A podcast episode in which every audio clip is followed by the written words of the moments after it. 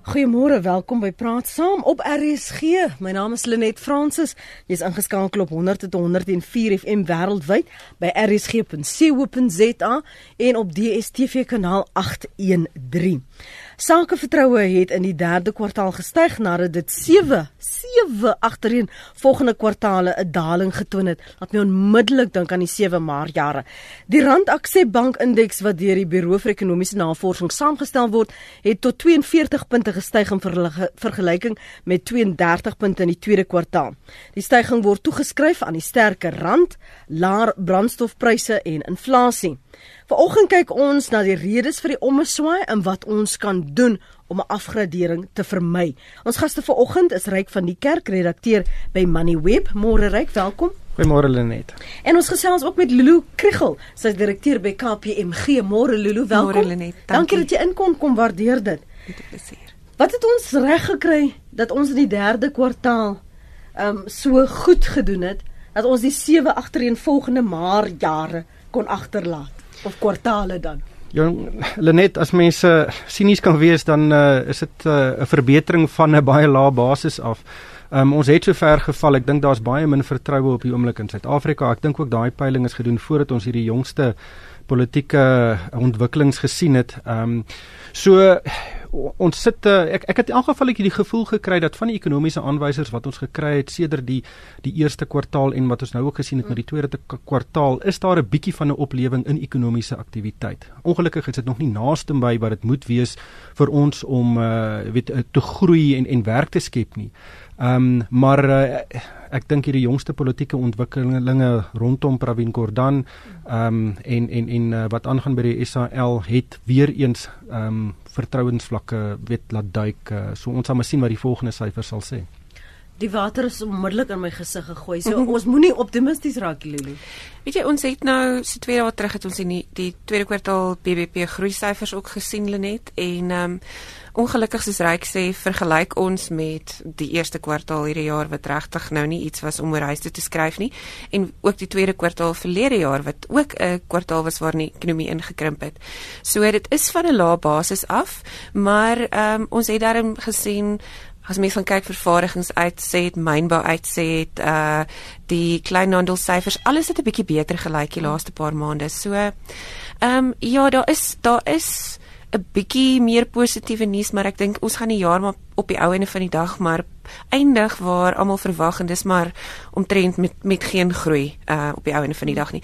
En ook uh, wat vertroue aanbetref, ja, dit is bietjie beter, maar ons is nog steeds in 'n in 'n negatiewe omgewing en soos Ryk ook sê al hierdie goed ongelukkig ehm um, reeds rukkie of die nuus rukkie oud en die laaste 2, 3 weke was natuurlik nou glad nie 'n uh, goeie goeie nuus vir die meeste mense wat gekyk het en beleggers wat gekyk het na Suid-Afrikaanse ehm uh, nuusgebeure en ekonomiese gebeure en graag met vertroue uh wou of meer vertroue aan die ander kant wou uitstap nie.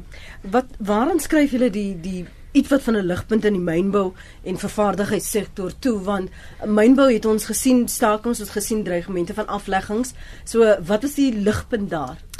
Die mynboubedryf uh, het so 'n bietjie voordeel getrek aan in aan in die swakker aan die van die swakker rand af. So ons het gesien dat uitvoere het 'n het 'n bietjie verbeter, maar natuurlik hierdie hierdie laaste praatjies oor stakings in die platinum sektor kan ongelukkig meeste van daai positiewe beweging um, omtrent uitkanselleer. En dan in die vervaardigingssektor, die motorvervaardigingsbedryf uh van die um, van die belasting uh toegewings en programme wat in plek is daarin en natuurlik ook weer eens die swakker rand wat 'n bietjie goeie nuus was daar. So ehm um, die die swakker rand het verseker van die van die van die dele van die ekonomie was dit wel positief en ons het ook gesien dat uit ons het net toe positiewe uh, groei gehad in aan die in die uitvoerkant. Ek weet jy is nou uh optimisties en versigtig oor sekere goed en dat jy sê dit was maar net wat sedertdien gebeur het is nog nie sulke wonderlike nuus nie maar was dit te wagte dat ons tog 'n ligpunt sou hê al net so 'n bietjie net so 'n klein stygingkie? Lenet Suid-Afrikaners is baie emosioneel Nee, weet daar oomblik as iets gebeur dan sit 'n groot hey, groot krisis. Weet jy wat? Ehm um, iets op iets positiefs wat ek gister gesien het. Ek het gister na die vrae sessie in die parlement gekyk en en toe het um, iemand vir Gordhan die vraag gevra wat wat dink hy nou van hierdie uh hierdie politieke gebeure van die afgelope paar weke. Toe het hy afgekyk, hy het geglimlag en toe het hy gesê luister, elke land in die wêreld het politieke, ekonomiese en sosiale krisisse. En daai krisisse gaan verby. En ons het nou gesien ons het 'n groot krisis gehad in uh Desember verlede jaar toe uh in Slanhlanene afgedank is. En die rand het geval tot baie amper aan naby aan R17 in die dollar. Maar 6 maande later het hy homself terug terugbeklei en hy was R13 um onder R13.50 teen die dollar.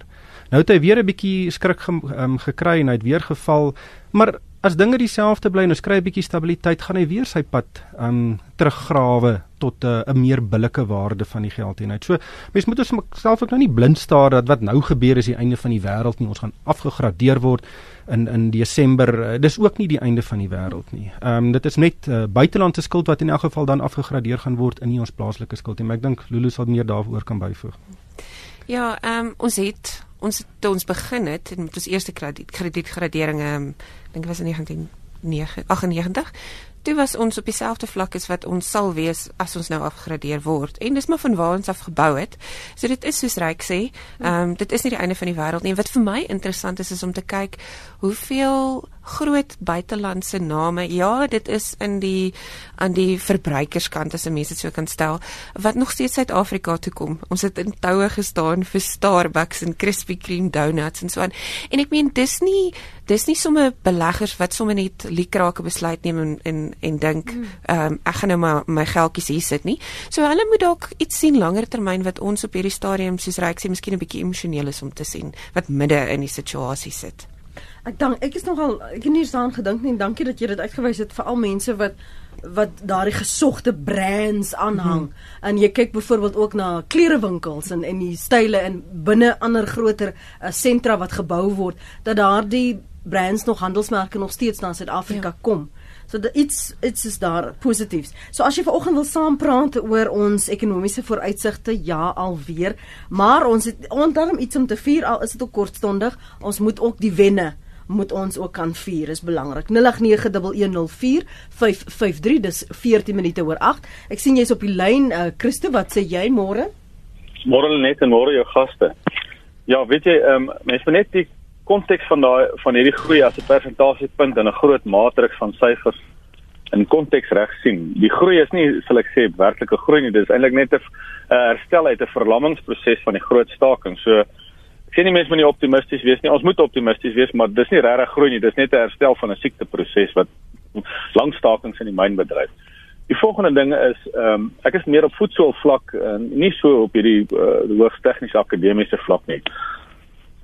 Dr Anton Rupert het in 1978 'n boek geskryf Prioriteite vir medebestaan. En daar gaan hy en hy skryf deeglik hoe oorregulering eintlik 'n handrem is op groei en op entrepreneurskap en uh, innovasie. Dis 'n wêreldwye verskynsel waarin ons nou almal in die wêreld het daai probleem. Almal is bang vir korrupsie. Die grootste agenda op al die top 20 regerings se se uh, beleide is anti-korrupsie, korrupsie en die gevolg daarvan is dat ons elke ding begin reguleer. Ons oorreguleer dinge nou so. Ek is nou 30 jaar in besigheid en as ek kyk hoe moeilik dit was om die eerste besigheidsrekening oop te maak in die laat 80er jare en uh, teenoor hoe moeilik dit nou is. Is dit amper makliker om binne NASA 'n besoek af te gaan lê as om in Suid-Afrika 'n bankrekening oop te maak vir 'n besigheid.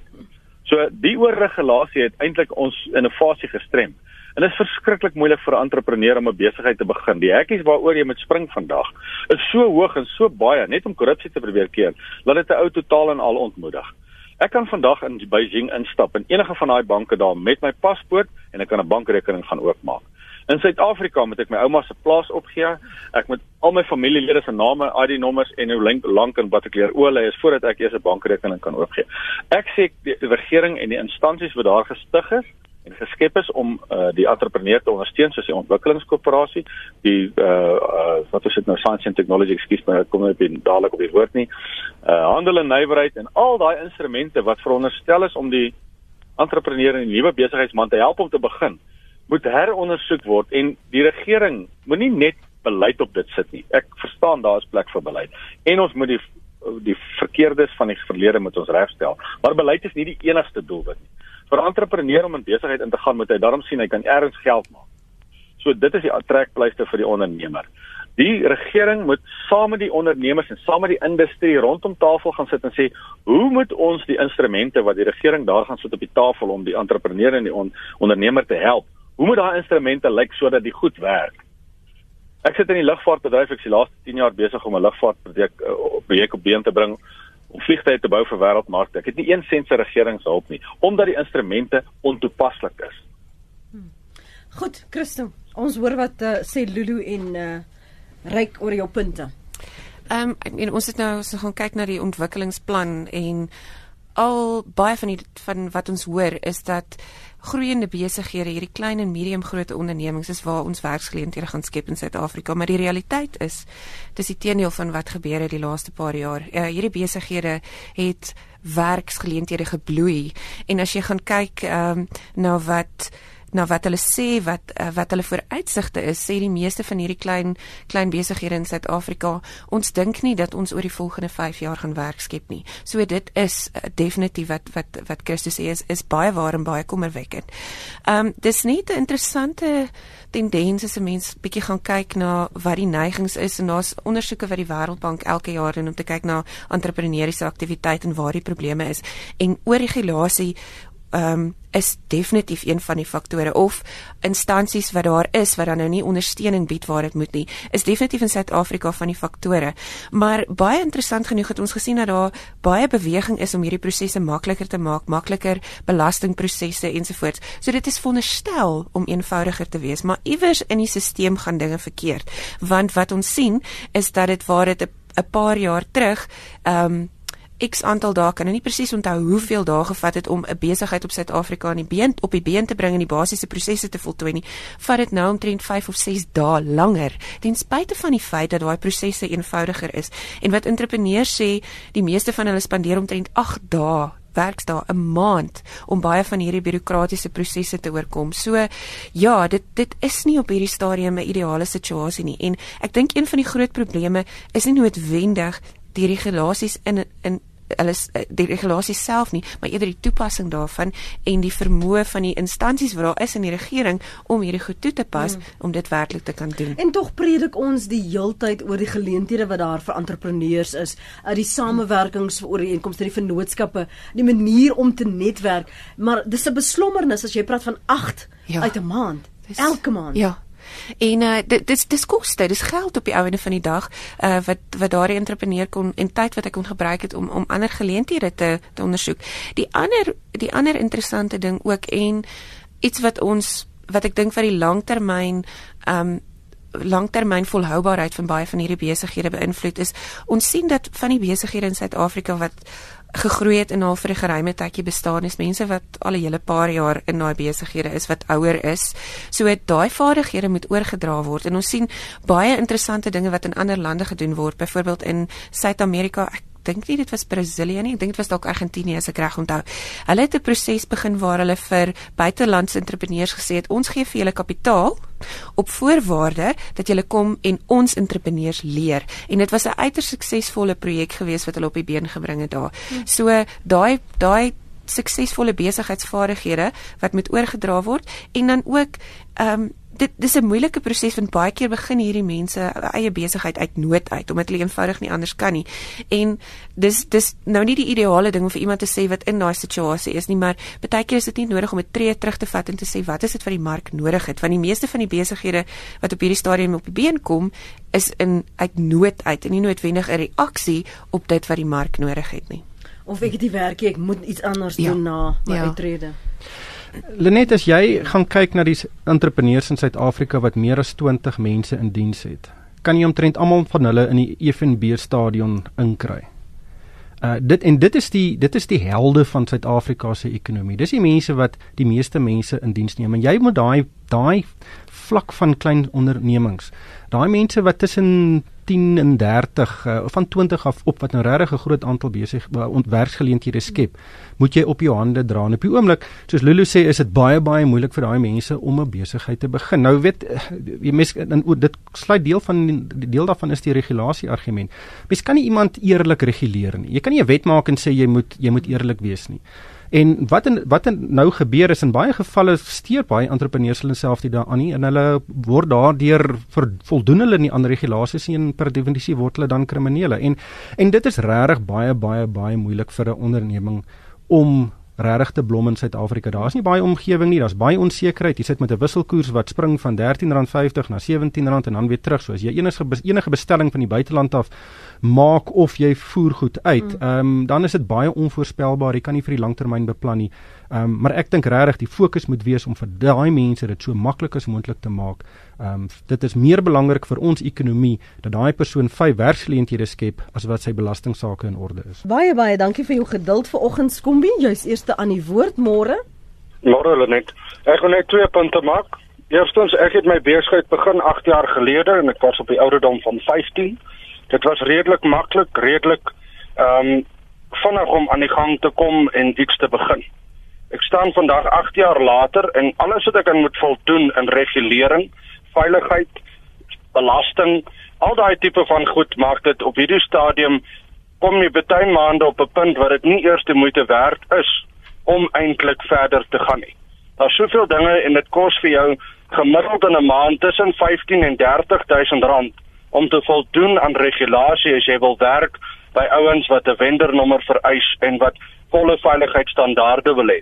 Vir 'n voorbeeld, ek moet een keer 'n jaar met ek 'n man stuur om 'n veiligheidssertifikaat te kry om seker te maak dat hulle noem 'n medical wat om my R450 per persoon kos.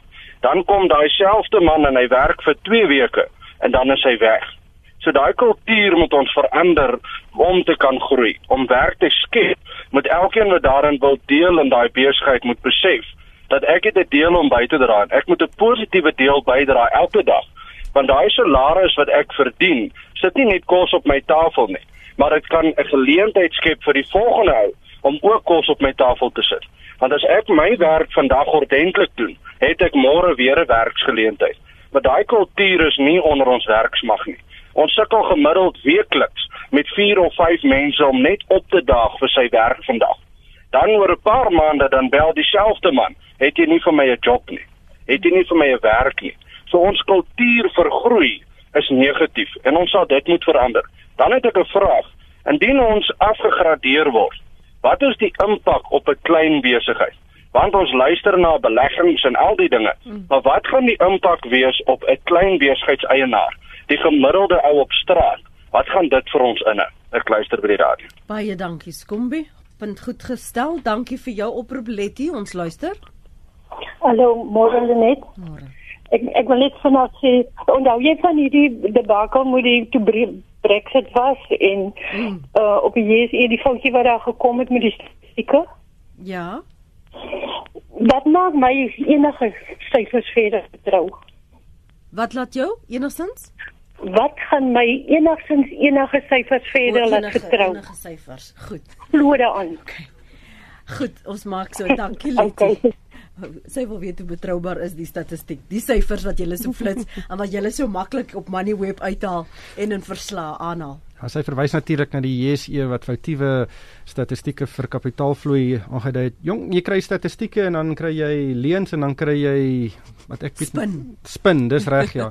Ja, weet ek dink Suid-Afrika se statistieke is relatief word goed uh ehm um, Ek weet bereken baie ander lande uh, is dit nie die geval nie. Um, ek sê verseker in Suid-Afrika se statistieke is 100% nie, maar as jy gaan kyk wat in China aangaan, jy gaan kyk baie keer wat in van die Europese lande aangaan, is dit ook maar baie keer 'n skoot in die donker. Is maar meer 'n aanduiding as wat dit uh, die mens jouself met blind staar aan die aan die fisiese syfers. So die 3.3% ekonomiese groei in die tweede kwartaal moet mense eintlik maar net sien as luister dit beter gegaan as in die eerste kwartaal. Hmm, miskien ja, want want ons hang nou aan daai stukkie hmm. hoop dat dit gaan verbeter. Maar soos jy gesê het, dit het sedertdien verander. Ja, nou mense moet ook net altyd seker maak wat presies dit is waarna jy kyk. Ehm, um, weet as mense byvoorbeeld gaan kyk na werkloosheidsyfers of weer eens die ekonomiese groei syfers, ehm um, wat wat gebeur alles met van daardie statistiek voordat voordat dit op ons tafels beland? So ek dink vir die gewone persoon op straat is dit verskriklik vervelig om te verstaan wat in al daai goed aangaan.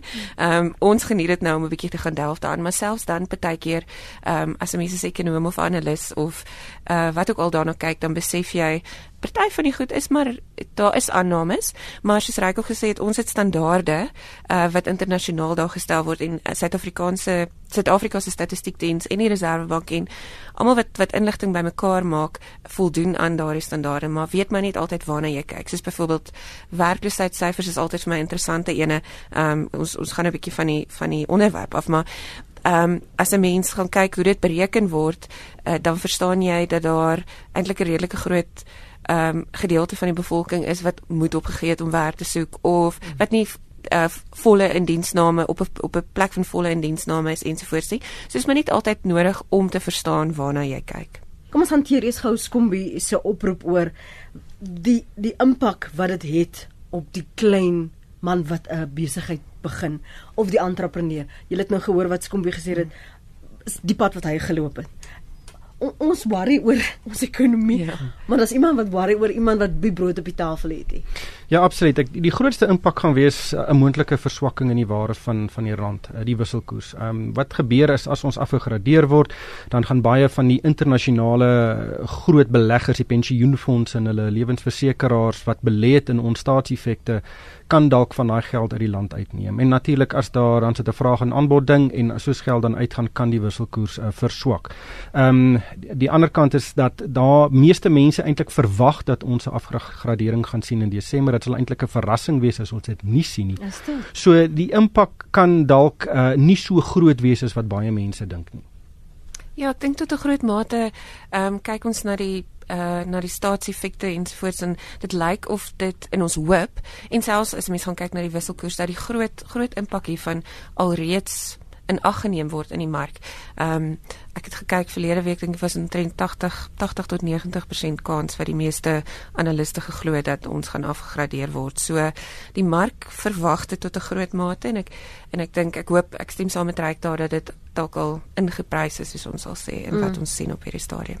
Maar op daai punt kan ek dan vinnig vra, uh, in geval ons nie daarby uitkom nie, as jy dit verwag en asof asof daar uh, um, dit aangepas word, wat doen ek as verbruiker? Um, as dit onverwenbaar is, kan ek nog iets doen? Wat doen ek in oor my geld sake byvoorbeeld? Onthou die afgradering gaan wees net van Suid-Afrika se buitelandse skuld wat omtrent 10% is van ons totale skuld. Ehm um, die, die meeste skuld is by plaaslike instellings in rand en dis 'n hele paar kerwe bo die die sogenaamde rommelstatus.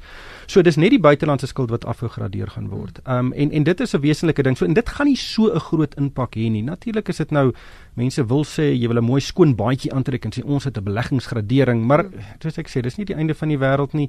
Ehm um, onthou die die graderingsagentskappe het hier in Maart maand gesê toe dit almal nou ge weet regtig gehoop het ons kan dit uh, voorkom dat ons afgegradeer word. Hulle twee voorwaardes gestel, groot voorwaardes. Een ons moet ekonomiese groei wys. Ehm um, wat ons nou so 'n bietjie gewys het. Ehm um, ek weet nie hoe volhoubaar dit is nie, maar daar is 'n klein bietjie groei. Die tweede ding was ons soek politieke stabiliteit. Nou daar het iemand nou 'n hele klomp klippe deur 'n venster gegooi. Da, ons het dit op oomblik glad nie. So dit is een van die redes hoekom ek dink ons afgegradeer gaan word. Mm.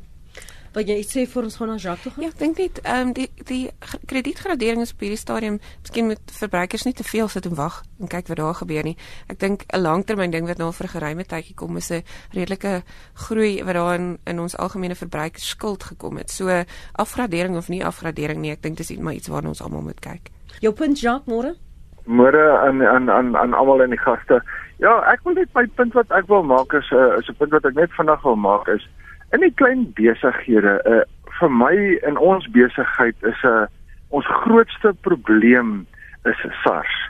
Ehm um, spesifiek uh, dinge soos spertye wat ek dink 'n ou maklik in die toekoms as daar net 'n bietjie uh, kommunikasie is tussen die partye kan kan kan kan oorkom. Dit is argumente daarbe jy jy moet vandag moet jy jou LBS betaal of jy moet vandag jou uh uh uh, uh belastings betaal en maar jy weet môre kom die geld in. En as jy dit vandag nie betaal nie, uh dit party van daai bedrae is groot bedrae, dan sal sommer 'n 5 of 'n 6 of 'n 10000 rand se boete wat wat, wat deurkom en as 'n ou net 'n kanaal kon gehad het om met die mense te praat, sê hoorie so man, uh, kan ons dit nie net môre doen uh, vir al is dit net halfte van die rente. Da uh, SARS is 'n uh, begin 'n uh, uh, baie dis moeilik ook om met hulle te praat, jy weet as jy as jy moet uh, hulle wil gaan uh, uh uh, gesels moet jy in die ry gaan staan vir 'n 'n 'n 'n lang tydperk of jy moet 'n uh, konsultant kry om dit te doen wat alles geld kos. Hmm. Ek dink as die kommunikasie kanale tussen die die klein besighede of medium besighede selfs en en en en SARS as daar net 'n uh, 'n uh, uh, daai kanale bietjie verbeter word want dit is SARS is ons grootste uitgawe en is ons grootste probleem. Dankie. En ek voel Ja, Jacques, en jy voel dat uh, daar beter kommunikasie moet wees. Ja, ek dink dit kan dit kan as as dit reg bestuur word en en en en en en uh uh uh om om om klein sake besighede te help om om om vorentoe te gaan. Uh dink ek dat as as daar kommunikasie is tussen die partye, daar definitief groot veld gewen kan word. Goed, baie dankie daarvoor. Om ons praat gou oor die punt wat Skombie gemaak het oor die ingesteldheid van ons werksmag en wat se naam ehm um, die laaste inbeller het gepraat ook oor kommunikasie SARS en klein besighede en dat dit beter bestuur moet word. Is ons net 'n land van loafers? Nee, glad nie. Ek ek dink daar is uh, strukturele probleme in ons werksmag. Jy sit met 'n baie groot hoeveelheid mense wat nie geskool is nie. Ehm um, en dan sit jy ook met uh, mense wat baie geskool is en en in daai twee wêrelde is daar verskille. Nou ek besef baie keer is daar mense wat onbetroubaar is. Ehm um, dit is 'n baie groot probleem. Ehm um, en uh, weet selfs met produktiwiteit ehm um, en en hoe mense kan staat maak op op sekere uh, mense. Dit is 'n groot probleem. Daar is nie ek dink nie daar's 'n oplossing nie. Dit is maar sekere vaardigheid van entrepreneurs om die beste moontlike mense te kry. Ehm um, maar uh, ek ek, ek dink regtig dat uh, dit is een van die probleme wat uh, op nog vir 'n lang tyd saam met ons gaan wees. Ek wil gou vir jou 'n ander punt wat ryk voor die breek na verwys het dat die verwagting was of die waarskuwing was ons moes ekonomiese groei toon, ons moes politieke stabiliteit hê. En ons sien nou ons ons is ver daarvan. Mm -hmm. Maar nou die die punte wat ons luisteraars aanraak, dis in hulle wêrelde, ja. in hulle besighede. Ja. Hoe speel dit in in hierdie groter doel wat ons probeer bereik want jy kan nie aan die een kant wil groei en aan die ander kant los jy 'n magtom mense agter nie. Mm -hmm. Ja, Lenet, baie van hierdie soos ryk ook gesê het is strukturele probleme wat 'n bietjie van 'n tydjie gaan vat om uit te sorteer. Ehm um, so ons sit op hierdie stadium met 'n kombinasie van van sekere strukturele ehm um, strukturele uitdagings in die ekonomie. Ehm um, jy sit soos reg gesê met 'n groot gedeelte van die werksmag wat wat ongeskoold is. So dis iets wat jy oornag gaan verander nie. So die vraag is hoe hoe maak jy ehm um, 'n korter en of medium termyn en langer termyn besluite rondom dit.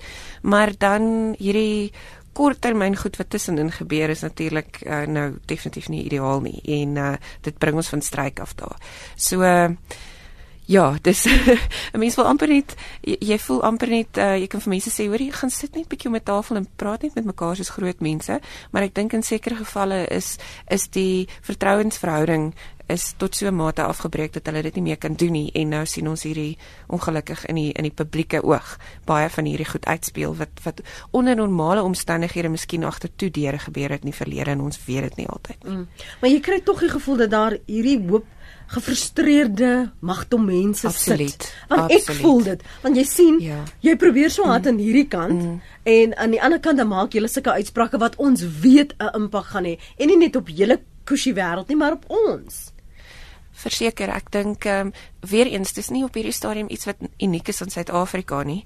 Ehm um, ek dink ons sien 'n neiging en dit is baie interessant. Ons praat baie daaroor as as ekonome aan die een kant sê ons nee ons ons die wêreld word kleiner in tegnologie en alles, maar aan die ander kant sien ons hierdie gaping tussen ryk en arm, tussen ekskuus om nou die Engels te gebruik, maar dit dit som so mooi op die haves and have nots, have nots wat wat wat groter word oor tyd en dit dit is 'n destabiliserende faktor. Ehm um, as ons gaan kyk wat in die wêreldpolitiek gebeur, dink ek is iets wat baie duidelik op hierdie stadium homself uitspeel. Mense wat sê maar julle het ons beloof hierdie kleiner wordende wêreld, globalisering ensovoorts gaan vir ons meer werksgeleenthede beteken en ons gewone mense op straat sien dit nie. En dit speel homself het homself uitgespeel tot 'n mate in Brexit. Dis iets wat ons in Suid-Afrika sien. Die gevaar dink ek net in Suid-Afrika is ons sit met 'n die gaping is soveel groter as op ander plekke en uh de, ek het ek het iemand het enige opmerking gemaak as almal swaar kry in dieselfde pot is dan is dit minder erg of onstabiliteit weet veroorsaak minder onstabiliteit in 'n samelewing as wanneer jy 'n paar mense het en die mense van buite af kan sien maar dit gaan goed met julle en dit gaan sleg met ons. Mm. Ons hoor gou wat het Niels op die hart. Dan kom ons terug na ons vooruitsigte. Niels? Môre net, hoe gaan dit? Nee. Die bietjie optimisme wat ek oor ons ekonomie gehad het, het ek gehoor is maar ou tydelike asemhaling. So so ja, ek is nou weer terug op moeder aarde. Niels, wat is jou punt? Uh Lenet, ekskuus tog. Ek het 'n uh, uh baie bees ek te ek is eintlik 'n bou en 'n siviele kontrakteur gewees my hele lewe ek het nou afgetree maar ek het met groot kontrakte regtig groot kontrakte gewerk vir die Noordwes regering en ek het baie gebou ek het vir sewe villages water ingesit mm. en al hierdie daai projekte was was arbeids en intensiewe projekte wat ek met mense gewerk het wat hulle moes met die hande basies die slote grou vir die pype ons het hulle per meter betaal en so aan nou wil ek nou iets sê oor ons werksmense uh in die proses ek het ek het 'n uh, 'n uh, 'n uh, Trini Drive in die Pilansberg het ek die paving gedoen plaveisel ekskuus vir so 3 km toe hulle die kontrakte gestop daai tyd toe toe okay. Mangope uit is maar Niels, wat daar gebeur het is ek het mense ek het my eie stene gemaak. Niels, Niels, Niels, mag gou net groei punt asseblief man. Goed, ek gaan gou ek gaan nou kort oor wees. Ek het met die steenmaker het ek 3 skofte gewerk, dag en nag. Ek het baie werk gegee vir elke skof het so 85 mense gehad. Hmm. Toe ek in die oggendskof het ek Tswana vrouens opgesit van 6uur tot 3uur sodat hulle in die middag kan afkry uh, huis toe kan gaan en nog gaan okay. kos maak. Maar Niels, die, die, Niels, Niels, wil jy gou 'n punt maak? Som dit vir my ja, op sodat die gaste kan Ek wil net sê die die China mans het vir my minder stene gegee. Uh, hulle het 400 pellets op 'n skof gegee. Die China vrouens het 600 uh, per palette okay. op 'n skof gegee en die die die die uh, ek het die onwettige Mosambikens gehuur in die nagskof. Okay. Niels duidelik die vroue werk harder. Ons gaan nog nie eens daaroor skry nie. Ek lees gou vir julle wat beskryf Pieter. As dit by oorregulering kom, veral van klein en medium besighede, is die regering self die olifant in die kamer, maar kan of wil dit nie besef nie. Ek glo nie hulle besef hoe gewerk word om inkomste te genereer nie. Belasting is hulle manier van inkomste en dit kom gratis en verniet uit die onuitputlike en hy plaas onuitputlik in aanhalingstekens bron van die privaat sektor. Andrei sê in Suid-Afrika is wins en welvaart vloekwoorde. Die oomblik wat jy begin wins maak, wil iemand anders dit hê, veral as jy mense in diens het. Ek bedryf my klein besigheid sonder personeel. Kontrakteer liewer dienste uit waar nodig, maar self wil ek nie opgeskeep sit met al die rompslomp en risiko van mense in diens neem nie. Dan vra Connie in Danabay: Is die regering nie besig om faktore wat die groeikoers bepaal te manipuleer nie? Ons sal 'n beter balans moet vind tussen die bevordering van ekonomiese transformasie en die strewe na hoër groei. Ekonomiese groei kan nie meer na 'n onbelangrike tweede plek afgeskuif word nie en om die land te laat floreer is die toepassing van die nasionale ontwikkelingsplan dringend nodig. Ons moet nou begin praat van die ontwykende nasionale ontwikkelingsplan. So is daar manipulasie aan die gang hierso? Hoe ry kom na my toe, né? Dis laat laat die ekonom daai ene antwoord. Hulle net dis 'n dis 'n verskriklike moeilike ding om om ehm, 'n um, balans te kry tussen hierdie faktore. Ehm um, ek dink aan die een kant moet ons besef is transformasie is belangrik vir die stabiliteit van die ekonomie en as ons dit nie het nie, dan gaan dit dan kan dit ook negatief wees vir groei. Maar aan die ander kant besef ons ook ehm um, daar is sekere van hierdie goed vat tyd en daar is prosesse wat moet gebeur om vaardighede oor te dra en so aan. Ek meen ek as ek nou net 'n eenvoudige ding vat wat uh, wat byvoorbeeld ehm um, van die besighede wat in die ehm um, in die konstruksiebedryf byvoorbeeld gesê het ons het 'n proses nou wat ons besef het ons het regtig 'n tekort aan ambagsmande en ons het die opleidingsproses verkort en ehm um, ek dink dat dit omtrent al 4 as ek nou reg is. En wat hulle nou sê is die verhouding byvoorbeeld tussen tussen mense wat daai spanne bestuur en die ambagslei onder hulle. In Suid-Afrika en in, in die res van die wêreld werk ons met 1 persoon persoon teenoor 14 en hier werk ons met 1 teenoor 7. So met ander woorde daai daai koste van 'n diensname is onmiddellik amper dubbel wat jy op ander plekke sien. So dis van die dis van die strukturele probleme uitdagings wat ons moet uitsorteer en uh ja, dit kos besighede geld. Ons produktiwiteit ehm um, is laer as op mm. ander plekke. Die verhouding tussen salaris en en uitsette is laer. Daar's 'n klomp komplekse redes daarvoor en is iets wat mense oornag gaan regkry nie. En eerlikwaar, ek is bly ek hoef nie op hierdie stadium daai balans te probeer vind nie want ek dink nie dit is 'n maklike ding om te doen nie. Maar maar as ons dan wil praat van groei of ons wil praat van werkskepping, in watter sektore moet ons belê? Um nie net as entrepreneurs nie, maar as regering. Um sodat ons op alle vlakke dat ons nie nie so staat maak op sekere sektore ja. om ons die hele tyd te dra nie daar is soveel planne wat deur die departement van handel en nywerheid en in die nasionale ontwikkelingsplan en alles wat sê hierdie sektore, hierdie bedrywe, ons moet plaaslike vervaardiging en re-industrialisering koop dis Afrikaanse woord. Ehm um, moet ons moet ons op fokus en programme wat in plek is en so aan.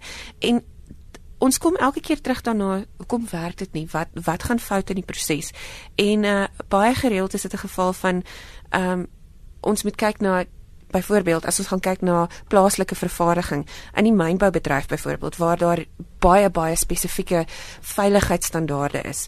Ehm um, sê van die van die myne byvoorbeeld, dis vir ons moeilik om van die plaaslike besighede te gebruik want hulle is nog nie op daardie veiligheidsstandaarde nie. So die vraag is, hoe doen ons daardie tipe van goed? So die sektore dink ek dis daar. Ons het gekyk na dit. Ons verstaan dit. Dit is dis nie nodig om weer terug te gaan daarna toe nie. Ehm um, dis 'n dis 'n geval van om te gaan kyk waar is die probleme in die implementering daarvan. En ek dink ons het nou vir baie lank vir mekaar gesê, ons moet weer begin goed maak in Suid-Afrika, waarde toevoeg. Ons weet dit alles. Dis nie 'n geheim nie. Dis net 'n geval van gaan doen dit en en mm. vind uit waar se probleem is en begin op 'n klein skaal. Dis nie nodig om alles op een slag te doen nie. Lenet, ja, ek dink die grootste geleentheid wat Suid-Afrika het is toerisme. En wie die toerismebedryf is reeds groter as die mynboubedryf. En dis 'n relatief maklike bedryf om te stimuleer. Ehm um, weet as jy in die buiteland is in 'n hotelkamer, dan sien jy hierdie advertensies van Indonesië, jy mm. sien dit van die Filippyne, Australië. Eh, wat regtig mense soek om by hulle te kom, uh weet vakansie hou mm. of om om konferensies by te woon. In Suid-Afrika het dit nie. Weet ons het probleme met ons lugdiens om mense hier te kry. Ons het probleme met visums. Jy moedig eintlik mense af om na Suid-Afrika toe te kom en as ons nou 'n ekstra miljoen mense kan kry om Suid-Afrika toe te kom, gaan dit 'n geweldige impak hê op omtrent elke weet streek in Suid-Afrika en ek dink dis 'n maklike wen. Ek wil net terugkom na die na die werksgeleenthede toe. Ehm um, mense moet oppas om te stereotipeer in die bevolkingsgroepe van Suid-Afrika. Weet om te sê almal is lui of almal is fliks in hierdie een en in daardie een is net eenvoudig nie reg nie. Jy kry baie goeie mense in in elke um, bevolkingsgroep en jy kry baie slegte mense in elke bevolkingsgroep. So mense moet oppas vir daai stereotipering.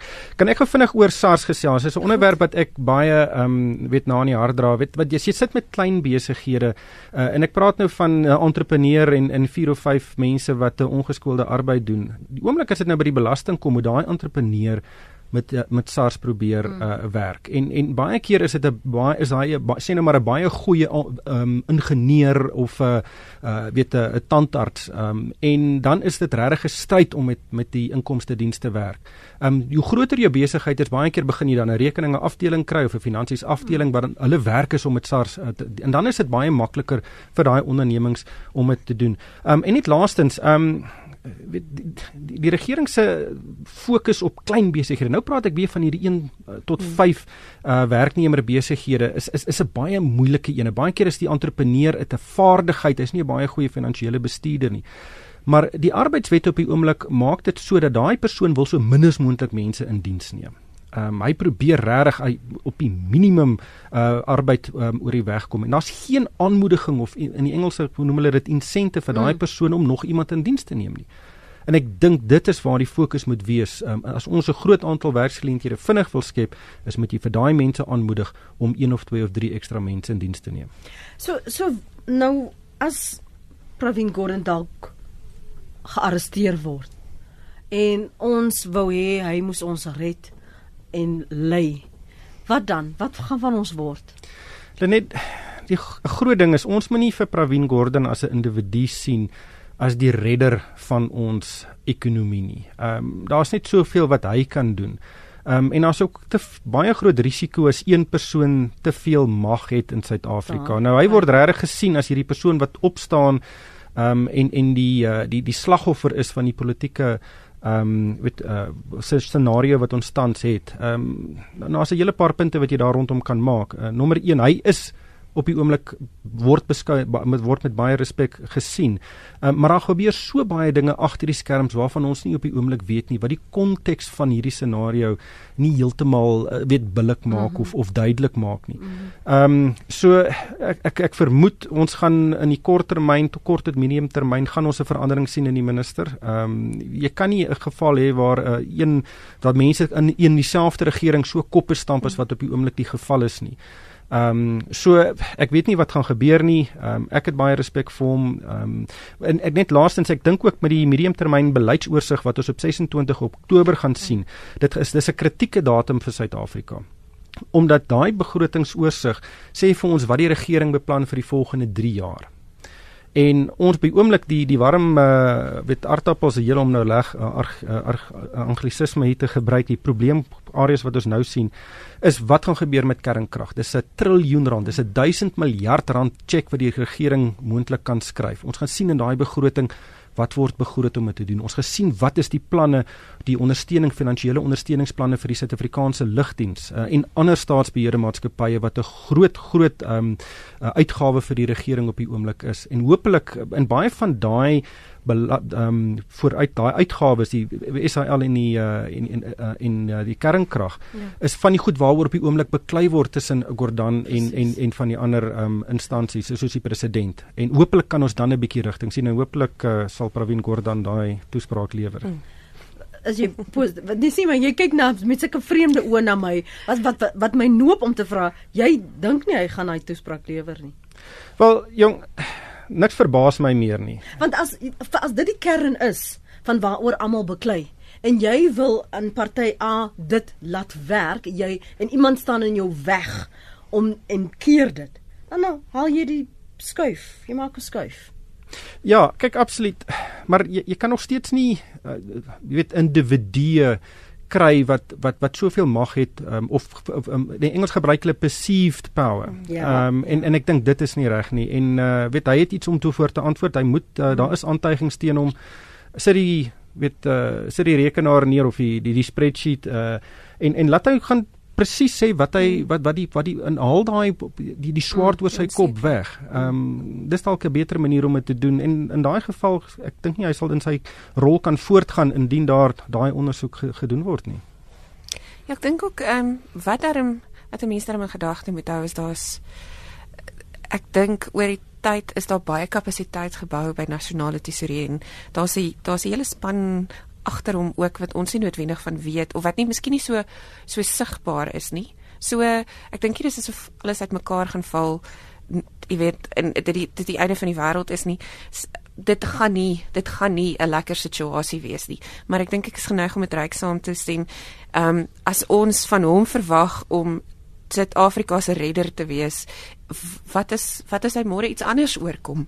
Mm. Jy weet dan uh, ons kan ons kan nie net ons kan nie net daarop fokus nie. Ek dink op hierdie stadium is die belangrikste ding 'n mens wil voel die regering moet wegkom van die van die politiekery en begin regeer. So dit is dit is op hierdie stadium die belangrikste. Ja, net dis die kern, weet ons het 'n regering nodig wat as 'n eenheid saamwerk en saamwerk om ekonomiese groei uh te verhoog. Dis die enigste manier hoe ons gewerk gaan skep, is die enigste manier hoe ons lewensstandaarde gaan laat styg. En uh op die oomblik is dit nie die geval nie. Daar's te veel partye wat te mekaar inwerk.